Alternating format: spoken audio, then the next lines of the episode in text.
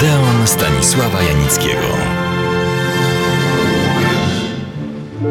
Tydzień temu obiecałem, że po prezentacji jednego z najważniejszych dzieł światowej sztuki filmowej, mowa o powiększeniu, i początkach twórczości jego autora, czyli Michelangelo Antonioniego, wrócę jeszcze do niego.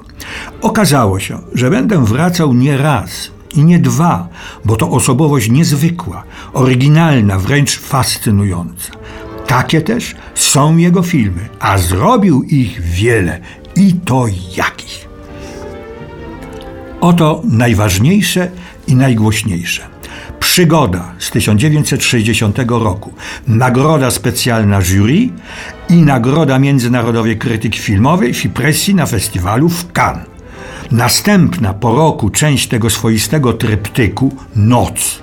Na Berlinale Złoty Niedźwiedź, czyli główna nagroda festiwalu. Trzecia część to Zaćmienie. Kolejna nagroda specjalna jury w Cannes. Ale na tym nie koniec. W 1964 roku weszła na ekrany Czerwona Pustynia, za którą Antonioni otrzymał Złotego Lwa w Wenecji, a za powiększenie, o którym Państwu już szczegółowo opowiadałem, Złotą Palmę w Cannes. No, wystarczy. Nie znaczy to wcale, że następne filmy były słabe, świadczące o przemęczeniu mistrza. Gdzie tam? Zabryski Point z 1970 roku i Zawód Reporter 75 świadczyły o, zdawałoby się, niewyczerpanej sile i inwencji twórczej Michelangelo Antonioniego. Niestety, następne lata, a szczególnie 80., nie zapisały się złotymi zgłoskami w jego artystycznym życiu. Takie filmy jak Tajemnica Oberwaldu eksperymentował tu z techniką wideo, bez efektów, których się spodziewał, czy identyfikacja kobiety nie przyniosły mu chwały. Ten drugi film jest jednak o tyle znamienny, że główną rolę gra tu Monika Witti, muza Antonioniego, którą on w pewien sposób stworzył nie tylko i nie tyle jako gwiazdę, ale jako najznakomitszą wyrazicielkę świata, który on tak genialnie prezentował. A jaki to był świat? Trafnie to już opisano, więc tylko powtórzę, podpisując się pod tą charakterystyką obiema rękami. Antonioni budował na ekranie rzeczywistość, która do końca pozostaje tajemnicą. Bohaterowie poruszają się w świecie niepewnym, obcym, nieodgadnionym ani zmysłowo, ani intelektualnie, ani też za pomocą pozornie obiektywnych narzędzi jak kamera lub aparat fotograficzny. Widzę przypomniane już przeze mnie powiększenie. Każdy z bohaterów jest osobną, zagubioną monadą, skazaną na niemożność emocjonalnego kontaktu z drugim człowiekiem. Obce jest również otoczenie, w którym ludziom przyszło żyć.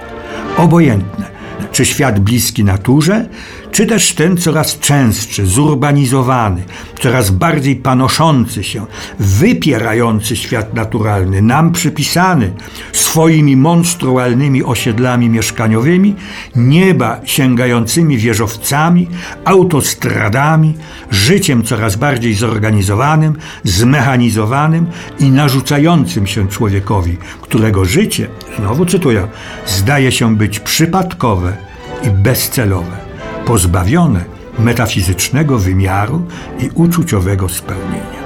Stąd u bohaterów rozpaczliwe i zazwyczaj bezowocne próby wyrwania się z tego zaklętego kręgu oraz niespełniona tęsknota za innym światem i innym życiem, za inną tożsamością, za innym, lepszym miejscem na tej planecie.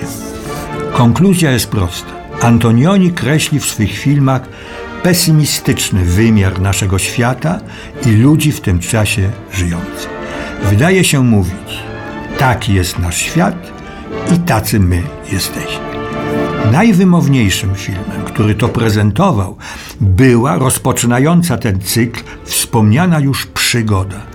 Oczywiście żadne, nawet najbardziej szczegółowe streszczenie nie odda istoty, atmosfery tej opowieści, a jest ona pozornie bardzo prosta. W wycieczce jachtem wokół włoskich wysp na południu, niedaleko Sycylii, biorą udział Sandro, kochanek zapraszającej, młodej Rzymianki z zamożnego domu i jej przyjaciółka Klaudia. Tę rolę gra późniejsza muza Antonioniego, wspomniana już Monika Vitti. W pewnym momencie gospodyni, jakbyśmy dziś powiedzieli, imprezy znika. Rozpoczynają się poszukiwania. W ich trakcie Sandro i Klaudia zbliżają się do siebie. Rodzi się między nimi prawdziwe uczucie. Ale pewnego ranka Klaudia odnajduje Sandra w objęciach obcej kobiety, z którą spędził noc na kanapie sali recepcyjnej. Znamienna jest ostatnia scena filmu, kiedy o bladym świcie Klaudia zastaje Sandra na ławce przed hotelem. Podchodzi do skulonego mężczyzny. Po jego ściągniętej wstydem twarzy płyną łzy.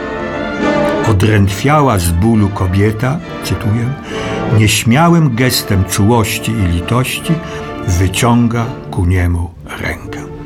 W tej kluczowej końcowej scenie zawarte jest właściwie wszystko: miłość, gorycz, rozpacz, zwątpienie, ale i promyk nadziei. Choć Antonioniemu bliższy był pesymizm niż optymistyczna wizja świata. A do pozostałych filmów jeszcze kiedyś na pewno wrócę. Do usłyszenia w Odeonie za tydzień.